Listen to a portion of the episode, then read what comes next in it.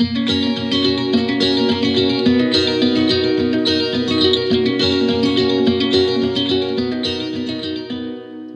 til Danske Bankers, podkasten for deg som vil vite hva som rører seg i markedet fra uke til uke. Mitt navn er Fredrik, og med meg som vanlig har jeg vår sjefstrekk Christian. Velkommen, Christian. Takk for det. I dag har vi eh, stor møteaktivitet eh, utenfor den ene delen av rommet vårt, og så har vi vindusvisker, eller vasker, på den andre delen av rommet vårt. Så i dag så får vi med litt ambient-støy inn i podkasten her, og det er jo fint. Hva er det som har skjedd denne uken her, Kristian? Denne uken her så har du vel egentlig fått flere bekreftelser på at ting eh, går sånn rimelig riktig retning i, i verdensøkonomien. Kommet en del eh, bra tall og indikatorer. Eh, så i utgangspunktet så beholder vi det markedssynet vi har hatt en stund, om at aksjemarkedet kan ha litt mer å gå på, men det er ikke slik at vi tar helt av. Fordi med er det 27% oppgang i amerikanske aksjer så langt i år, så virker det som uh, investorene har priset inn en god del av den uh, bedringen allerede. Uh, men det jeg tenkte jeg kunne se litt på, det er rett og slett bare en sånn oppsummering av hva som er bra, og hva som er fortsatt litt bekymringsfullt. Hvis vi trekker frem dette med økonomiske lyspunkter, så kan jeg nevne at en fersk spørreundersøkelse blant bedrifter og husholdninger i eurosonen, som ble publisert i dag, torsdag, viste en bedring for første gang på mange måneder. Og det er også da sammenfallende med flere andre indikatorer vi har, eksempelvis fra industrisektoren, om at vi mest sannsynlig har passert bunnpunktet i stemning og økonomisk aktivitet for denne gang. Et annet eh, bra tall vi fikk eh, i går, eh, det var fra USA, hvor eh, ordreinngangen for såkalte varige goder, eller durable goods, som det heter på fint, eh, steg også mer enn forventet. Og det kan indikere at denne oppbremsingen i næringslivets kapitalinvesteringer, som er, har vært ganske lidende under eh, spesielt handelskrigen og økonomisk usikkerhet, ikke nødvendigvis bremser opp ytterligere, men viser tegn til stabilisering også der. Hva er varige goder, da? Gi meg noen eksempler på noen varige goder. Ja, Det kan f.eks. være fly, det kan være maskiner til bruk i industrien, altså biler, lastebiler eh, osv. osv. Ja. Eh, ting som i utgangspunkt skal ha en levetid på mer enn tre år, mener jeg der. Eh, på den negative siden så fikk vi også tall denne uken her for eh, lønnsomheten blant kinesiske industriselskaper. Og den var ikke fullt så hyggelig. Eh, faktisk så falt den lønnsomhetsveksten til laveste nivå noensinne, etter det jeg kan se. Og I tillegg så har vi også sett tall for globale handelsvolumer som har falt nå, som har vært eh, negativ. Eh, årsveksten har vært negativ fire måneder på rad. Og det er også første gang det har skjedd siden finanskrisen. Men eh, har du sett noen reaksjoner på det her i markedet? Nei, ikke det helt store. Markedene ser ikke så mye på negative tall om dagen. De fokuserer bare på de positive. det er bra attitude. Markedene vil opp. Eh, men bortsett fra det, så økonomiske lyspunkter er bra. Vi unngår eh, en no deal brexit i USA. Vi tror ikke Trump kommer til å eskalere handelskrigen ytterligere, for det vil kunne svekke hans sannsynlighet for gjenvalg neste år. Vi har gjennomgående veldig lav arbeidsledighet rundt omkring i verden. Det er veldig bra. Og vi har også et ekstremt lavt uh, rentenivå som er med på å understøtte den økonomiske aktiviteten. Og vi skal heller ikke undervurdere betydningen av det lave rentenivået for nettopp oppgangen i, uh, i aksjemarkedet heller. På den negative siden så tror vi at handelskrigen kan fortsette å uh, vedvare godt inn i 2020. Selv om det er snakk om en fase 1-avtale, så er det lite konkret som er avtalt ennå. Og ikke minst så har jo den amerikanske kongressens uh, og Trump sin beslutning om å innføre en ny lovgivning som i, i, prinsippet er en støtte til demonstrantene i Hongkong, og som kan bety at USA da sanksjonerer personer eller organisasjoner som blir tatt for å, å bryte med menneskerettighetene osv. I, i Hongkong, kan, kan sanksjoneres. Vi, vi, trenger, vi, trenger, at det skjer noe nytt snart. Jeg føler vi har snakka om brexit, handelskrigen mellom USA og Kina og makrotall fra Kina i et halvt år nå. Ja, er det ikke et eller annet vi kan se fram til nå? Jo da, det kommer straks. Eh, bare hold eh, Du får være litt tålmodig, Fredrik. Okay. Det kommer en veldig spennende sak etterpå. Er. Eh, men jeg leste, tror jeg leste i dag at eh, handelskrigen er nå inne i dag 511. Ja, så, Det forklarer jo følelsen min. Du har helt rett. Eh, ellers så er det på den negative siden, i tillegg til eh, handelskrigen som kommer til å vare, sannsynligvis en stund til, fortsatt eh, svak eh, investeringsvilje i næringslivet. Det bidrar til å dempe potensialet for hvor mye oppblomstring vi kan få i verdensøkonomien. Vi har sett enkelte svakhetstegn i arbeidsmarkedene, eksempelvis i Tyskland, hvor det så langt i år er varslet over 80 000 oppsigelser. Uh, og ikke minst så er det de litt mer langsiktige tingene som uh, kan bidra til trøbbel litt lenger ned i gata. F.eks. at uh, rentene er ekstremt lave, sentralbanken har begrenset kapasitet. og i tillegg da at det er veldig veldig mye gjeld, som vi snakket om i den forrige danske bankers. Men det jeg tenkte vi kunne gå litt inn på i dag, det er et ekstremt spennende tema. Som omhandler nettopp kombinasjonen av at vi mennesker lever stadig lenger, og at vi har rekordlave renter. For det er i ferd med å skape et uh, kjempeproblem i forhold til finansieringen av uh, den stadig mer aktive og innholdsrike pensjonisttilværelsen som jeg tror de fleste av oss uh, planlegger. Så i utgangspunktet så har vi da en kombinasjon av to faktorer. Vi lever lenger, og renten har blitt sinnssykt lave. Og dette skaper et finansieringsproblem for myndighetene som skal stille opp med offentlige pensjoner, men også for eh, pensjonsforvaltere generelt, som skal sørge for at kapitalen vokser mest mulig. Men hvis vi begynner litt med demografien, så, ha, så vet vi at vi, vi, vi, vi, blir stadig eldre. Og dette går i en ganske rivende utvikling, med bl.a. som følge av uh, redusert uh, barnedødelighet, stadig bedre medisiner, helsetjenester osv. Og bare for å ta noen fun facts, så var det sånn at i, i 1940 så hadde man 2% sannsynlighet for å dø innen et år eh, når man var 56 år. I dag så har denne eh, milestenen, kall det eh, økt til 70 år. Det vil si at en 70-årig mann i dag har statistisk sett rundt 2% sannsynlighet for å dø innen et år, mens det da var 56 år i 1940. Eh, I 1950 så var eh, kun 5% av befolkningen i verden over 65 år.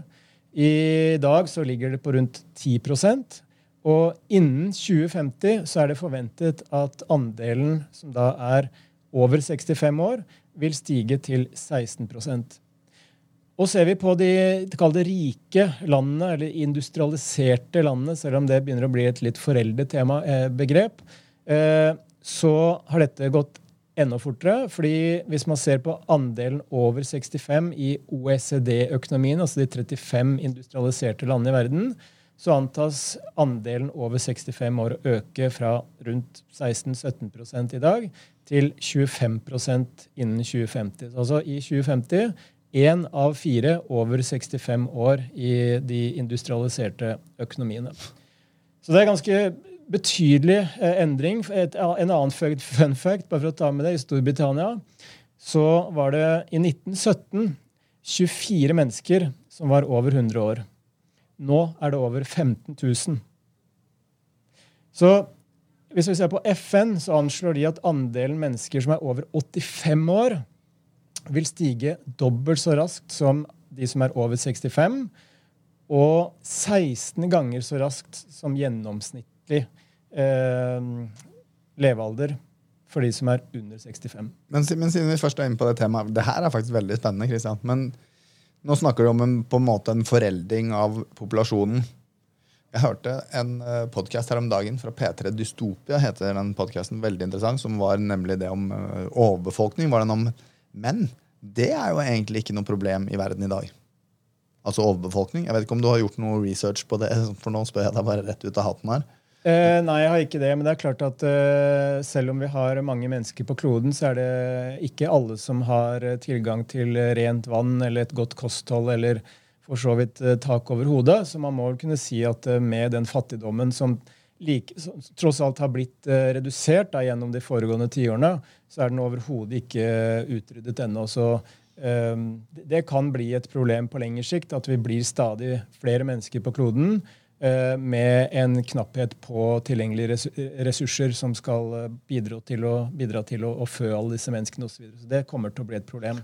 Ja, men, men, men, folk burde faktisk ta altså, en lytt på den dystopia-episoden. For der argumenterte de nemlig for at med den foreldringen som vi har, tross lengre levealder, så altså, de eldre menneskene de reproduserer seg ikke på samme måte som de yngre, heldigvis.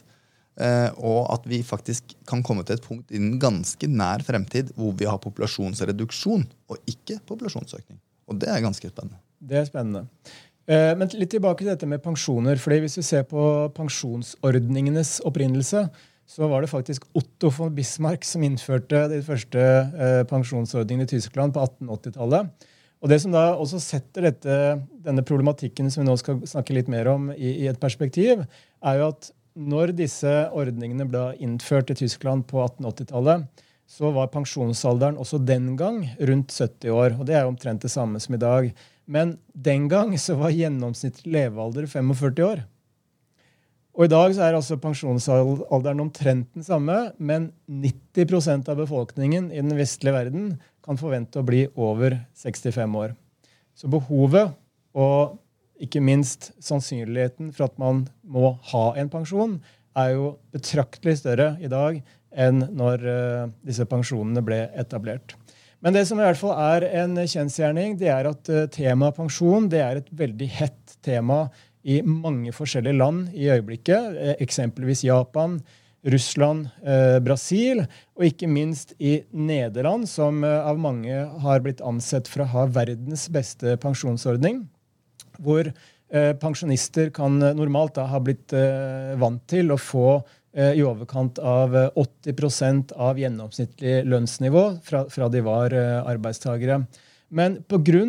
denne skvisen, altså at mennesker lever stadig lenger, pluss et ekstremt lavt rentenivå, så truer myndighetene nå eh, både kommende pensjonister, men også eksisterende pensjonister med rett og slett kutt i pensjonene.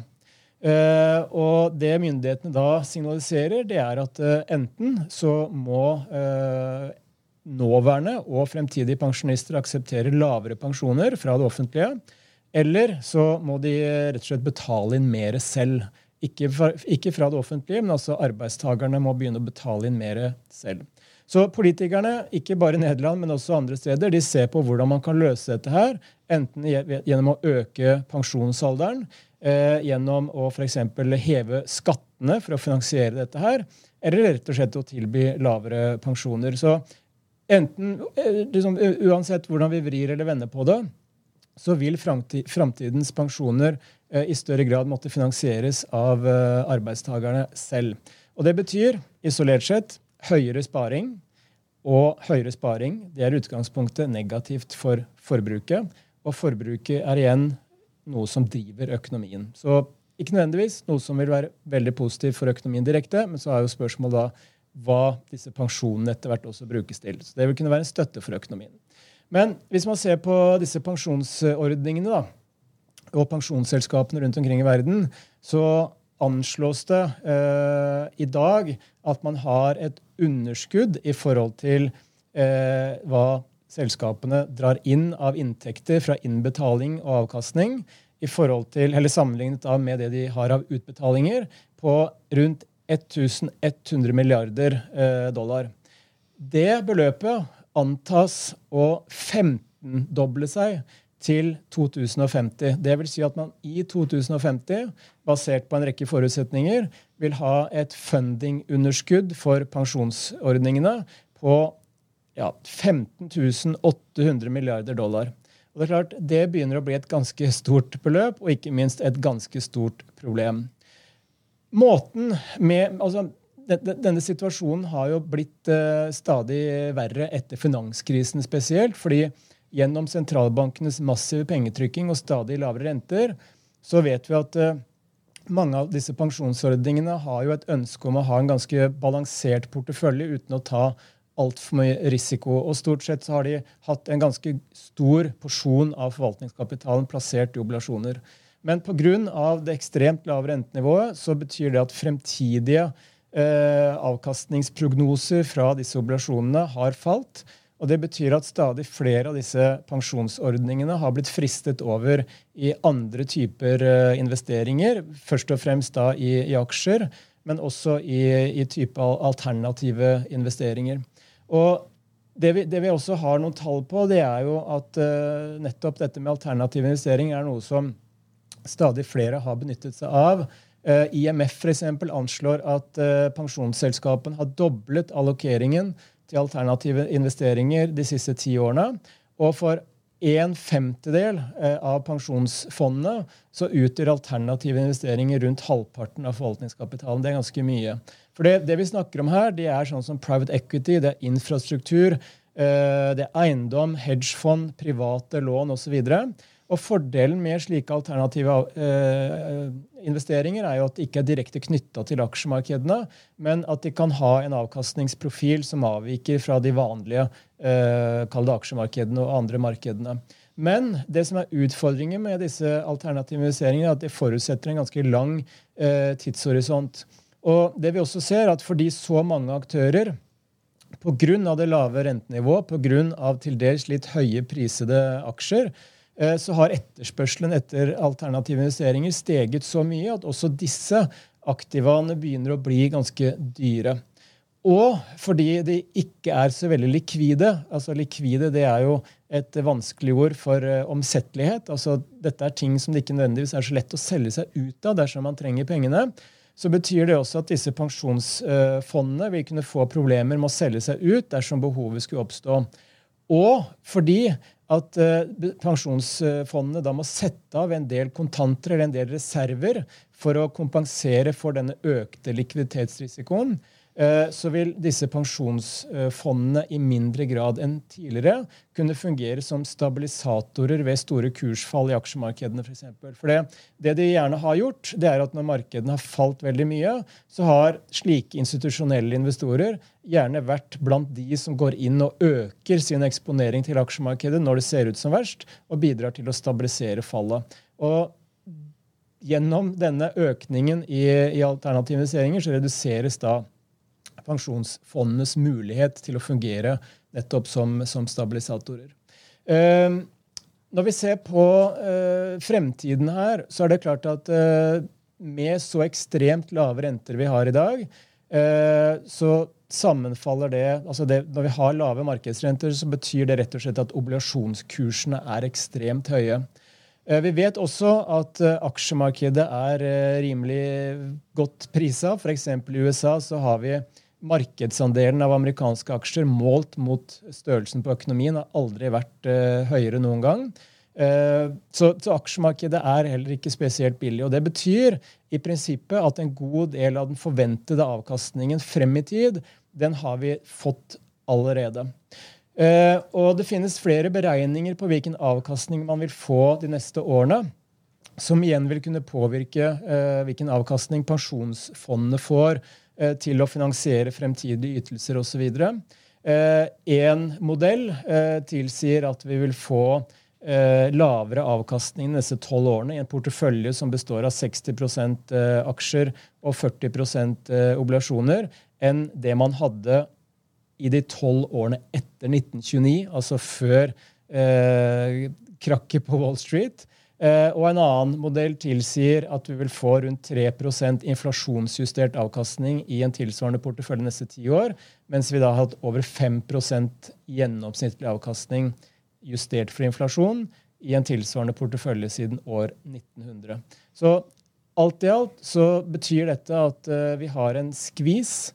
Vi lever stadig lenger. Vi må ha pensjoner, enten som vi finansierer selv og eller fra det offentlige.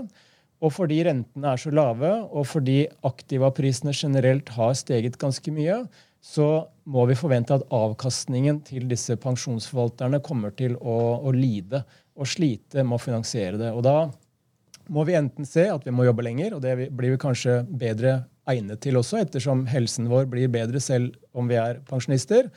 Eh, eller så må vi rett og slett forvente lavere pensjoner. Det Det var jo en helt vanvittig monolog basert på en bitte liten problemstilling, som for så vidt ikke er så liten, men eh, det tar i hvert fall ikke lang tid å stille spørsmålet. Og for de av dere som er livredd for å bli sittende ved siden av en sånn type som Christian på et julebord og være dum nok til å stille et sånt spørsmål som jeg gjorde, og få det svaret der, så foreslår jeg at dere googler generasjonsregnskapet. Eh, da tror jeg du vil fylle en rekke artikler hvor, du, eh, hvor de bl.a. ser på offentlig initialformue og også skattesystemet i dag og sannsynligheten for at vi må overbeskatte fremtidige generasjoner. og Det er sterkt knytta opp mot demografi og pensjon. Men det kan i hvert fall være smart å gjøre. Så Christian, eh, med litt frykt, hva er det som skjer neste uke?